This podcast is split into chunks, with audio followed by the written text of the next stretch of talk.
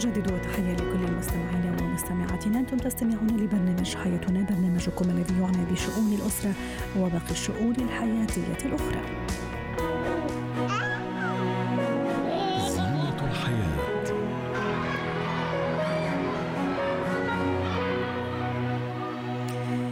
ابني يبتعد عني أو بنتي تبتعد عني لا تكترث لي أو لوالدها وبالنسبة نفس الشيء بالنسبة لابني ويرفضان التقيد بلقاءاتنا العائلية ولم يعودا كما كان من قبل للحديث عن هذا الموضوع. تنضم إلينا عبر الهاتف من القاهرة آه، دكتورة بثينة عبد الرؤوف الخبيرة التربوية يسعد مساكي. دكتورة بثينة نتعرف أو نتحدث اليوم عن البعد أو عن الفجوة الروحية خلينا نقول بيني وبين أبنائي. ما أسبابها وكيف أتصرف حتى أقلص من من هذه الفجوة وأستعيد ابني؟ آه، أهلا وسهلا بيكي. أهلا صباح بيكي الخير عليكم. آه مهم جدا إن أنا أعرف إيه هي المرحلة العمرية اللي الأطفال ابتدوا يبتعدوا فيها عن الأسرة. دي. نمرة واحد. نمرة اثنين تاريخ اللي بين الأب والأم والأطفال. هل فعلا من أول ما الطفل كان صغير في السن من سن سنتين وثلاثه أنا أما باجي أخرج أروح للعيلة مثلا أما بروح أزور الأم أو الجدة أقول لا بلاش أخد ابني الصغير آه، علشان هيتضايق بناس كبار في السن وأسيبه اخرج وأخليه يلعب مع مثلا أطفال آه، الجيران أو أو أصدقائي. آه، مهم جدا أعرف أنا كنت بعمل إيه والطفل صغير فلو أنا لا لا لو أنا من ابني أو بنتي صغيرة في السن بسيبهم كل ما أعمل زيارات عائلية هو ما يكبر خلاص هو تعود على كده. طيب لو أنا ما بعملش كده ده أنا طول عمري أما بخرج آه، أروح أي مكان في في زياره عائلية لازم آخد أولادي معايا ومتعودين إنهم يخرجوا معانا في كل مكان. أبص ألاقي بقى هنا أجي طيب إمتى بيبتعدوا عن الأب والأم؟ بيبتعدوا في مرحله المراهقة. صحيح. اللي هي الفترة اللي الطفل عايز يثبت نفسه فيها وإن شخصية مستقلة وإن له حياته الخاصة. وأصدقائه وخروجاته الخاصة بيه. فيبتدي وأسراره أحيانا. وأسراره حياه حياه حياة مكتملة خاصة بيه. مش عايز يشرك حد فيها. هو شايف إن ده النضج بالنسبة له. صحيح. آه، ففي في الفترة دي لازم الأب والأم يبقى عندهم وعي.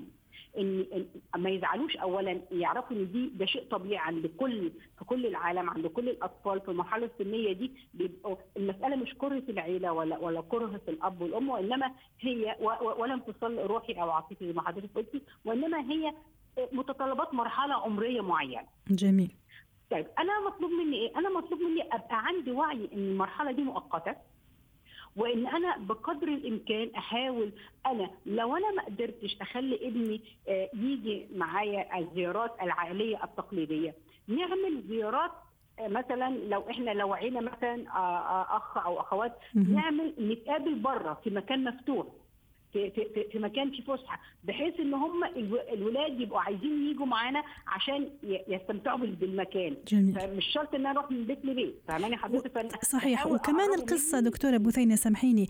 مش ب... مش فقط إنه يجي معي في, في الزيارات العائلية إحنا حكينا كمان على هالبعد الروحي إنه ما عاد يسمع لي كثير ما عاد يهمه رأيي سواء أنا أو أبوه. آه، يخالفني دائما حتى إذا كان الأمر يعني واضح وصريح لكن دائما يحاول يخالفني. يعني كمان هالبعد الروحي اللي صار بعيد عني. يعني ما عم حسه إنه ابني اللي أنا ربيته قبل 10 أو 11 سنة. ما هو ما ده مر... يعني متطلبات المرحلة العم... لو هو سن المراهقه ده. طبيعي. جميل. ده ده ده طبيعي. هو هو هو مش بعيد عنك روحيا. هو حاسس إن هو بقى مرتبط بيكي قوي أو البنت حاسة إنها مرتبطة بمامتها قوي لدرجة إنها من كتر الارتباط جالها آه رغبة عكسية. ده بيحصل في مرحله المراهقة إنها عايزة تستقل استقلال شديد. جميل. طيب. عشان كده دايما أقول للأمهات والأبهات خلوا ولادكم من هم صغيرين عندهم شيء من الاستقلالية. ما تخليهمش يعني متسقين بيكم وخليهم ليهم شخصية. بحيث لما يخشوا مرحلة المراهقة ما يبقوش عايزين يبعوا يعني ياخدوا خطوة كبيرة. للبعد عنكم. لأن هم تعودوا إلى حد ما على الاستقلال على الكيان الخاص بيه كشخص. جميل. ف- فما يبقاش ما انت انت حتى ما تحسيش ان في انفصال روحي لأن انت أصلا من زمان انت مدياله مساحة. ممتاز. يعني حتى أنا الوضع ما يختلف علي لا أنا كأم أو أب. أو عليهم أطفالنا.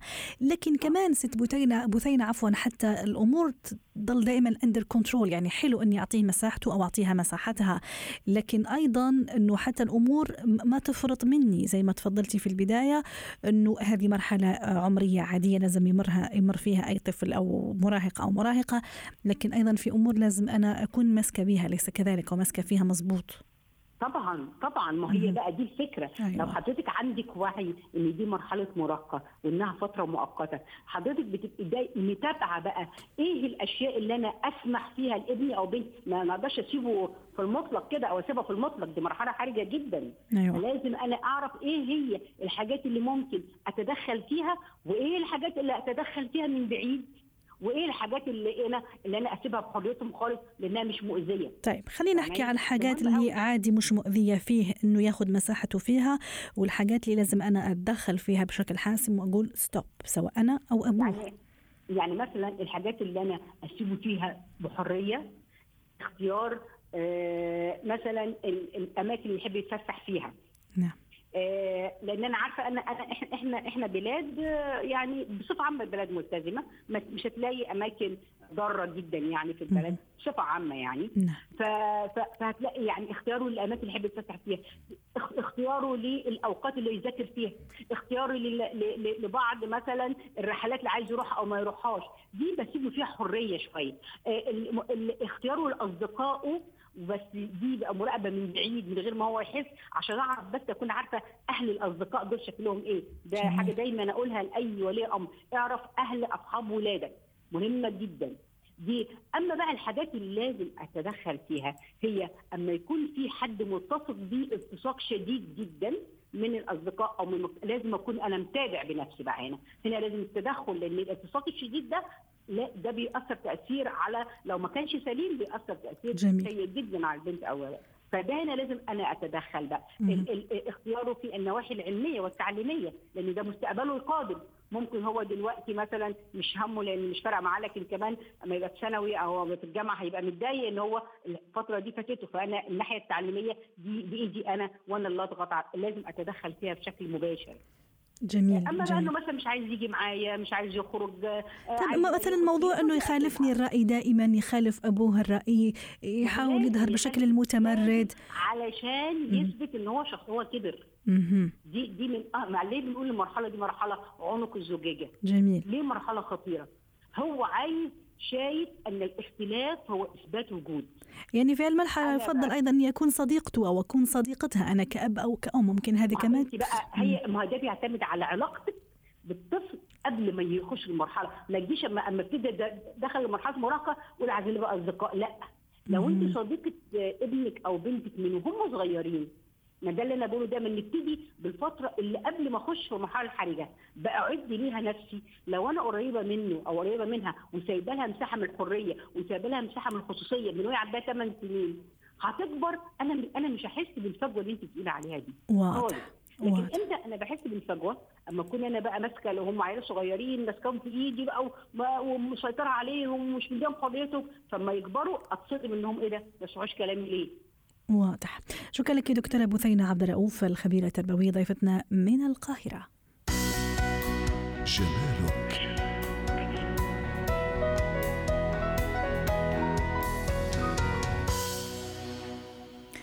العناية بالبشرة تعد من أهم الأولويات لأنها من أهم المظاهر الصحية والجمالية للبشرة في الحقيقة والبشرة هي الأكثر عرضة للشمس والهواء والأتربة وما إلى ذلك. لكن أحيانا ونحن نقوم بالتنظيف اليومي للبشرة نرتكب بعض الأخطاء التي يجب ألا نرتكبها تفاديا لحدوث مشاكل وربما حرصا على الحصول على بشرة فعلا جميلة ونظرة للحديث عن هذا الموضوع تنضم إلينا عبر الهاتف هلا غطاس خبيرة التجميل. مساء الخير ست هالة ما هي الأخطاء التي ممكن أنا أرتكبها كصبية كسيدة؟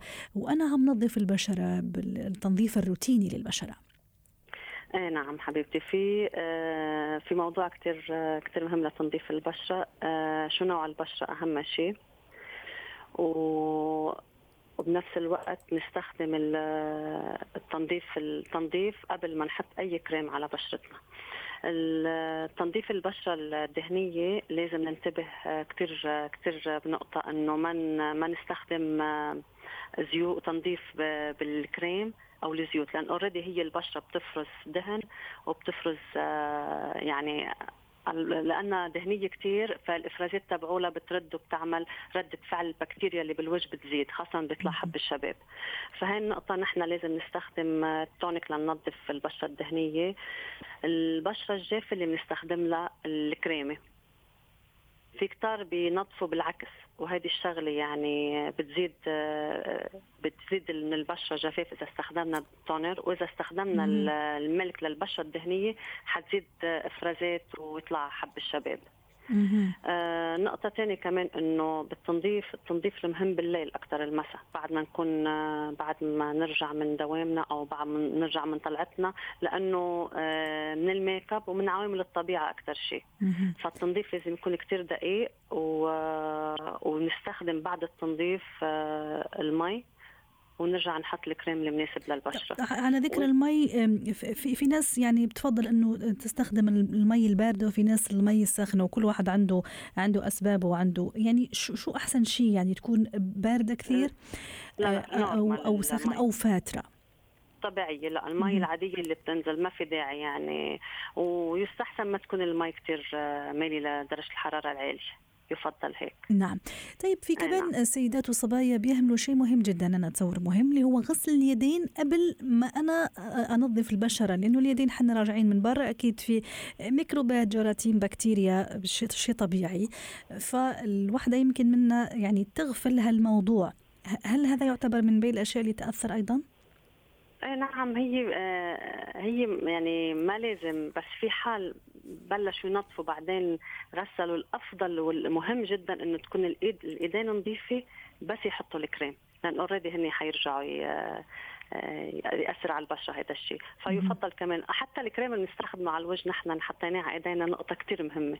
جميل جميل كثرة غسل الوش ست هالة وأيضا استخدام المنشفة هل بتشوفي من بين الأشياء اللي حنا ممكن هذه تعتبر من من الأخطاء يعني إذا آه. غسلنا الوش بشكل يعني كثير في اليوم؟ إيه نعم هذا أكبر خطأ بيكون لأنه التنظيف الزائد نفس عدم التنظيف أها شو يعمل إيه، نعم. التنظيف الزائد؟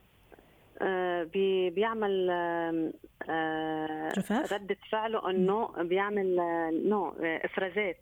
أها. ترجع بتصير البشرة دهنيه طيب. ولما نعم. لما نغسل الوجه يعني شو أنسب طريقة للتنشيف؟ هل مثلا بمنشفة؟ ب tissue؟ بشو آه، بالضبط؟ آه أكيد مش تيشو. هيدي أكثر غلط بشوف أنا يعني بهيك هاي طريقة ابدا مش مزبوطه آه بمنشفه معقمة. أو المناشف اللي بيكونوا هن مهتمين طبطبة. على طريقة هيك يعني تخبط عليها على وجهها ما تشد. وتعمل مثل يعني شيء معاكس للجلد لفوق ولتحت. هذا الشيء غلط كمان. بيعمل تج... ترهل بالجلد. وعلى فكرة يعني نحن لازم ننتبه لشغلة إنه إذا رطبنا البشرة وكانت جافه ورطبناها وصلت لمرحلة انه okay صارت البشرة ترطيبها طبيعي. ما في داعي نزيد ونزيد الترطيب. بنعمل آه، يعني نعمل معادلة بهذا الوقت. نعم. لأن بتصير هي normal الطبيعية البشرة. جميل. وفي حال كانت جافة ما نس ما يعني نحاول نرطبها لأنه إذا ضلت جافة البشرة حتعمل تجاعيد. طيب. آه، نجي الآن موضوع آه، تقشير البشرة أيضا ست نعم. هاله آه، المنزلي بالبيت. أي نعم المنزلي اللي آه، بنعمله آه. ممكن مرتين ثلاث مرات في الأسبوع. هل هذا أيضا من الأشياء المهمة اللي بتساعد أيضا في عملية التنظيف؟ ممكن نستخدمها مرة بال 15 يوم بس لل يعني للست اللي عارفه هي شو عم تستخدم مقشر. ما في شيء عشوائي بينحط على البشرة. يعني بدها تكون كثير لأنه هيدا تقشير البشرة حيفتح المسام في حال عندها هي بكتيريا في ناس تستخدم السكراب كثير كمان. جميل. طيب هذا كمان خليني أحكي على موضوع الماسكات أو القناعات الطبيعية. أحيانا السيدة والصبية يعني تلجأ لعملية التقشير باستخدام أشياء طبيعية مثلا آه، زيت زيتون مع سكر مع شوية قطرات ليمون وما إلى ذلك. هل هذه ينصح فيها ولا ولا لا؟ أنا ما حقول إن نهائيا انها ما منيحة لأنه حتكون إنه يمكن نحن بنشتغل بالتجميل بنفضل إنه شيء آه، بالعيادة أفضل وتحت إشراف أخصائيين على هذا الشيء.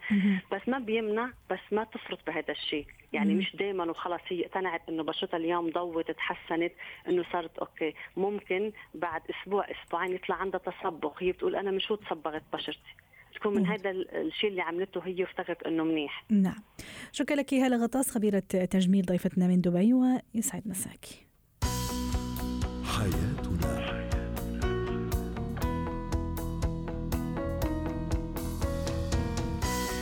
ختام برنامج حياتنا. شكرا لكم وإلى اللقاء. حياتنا.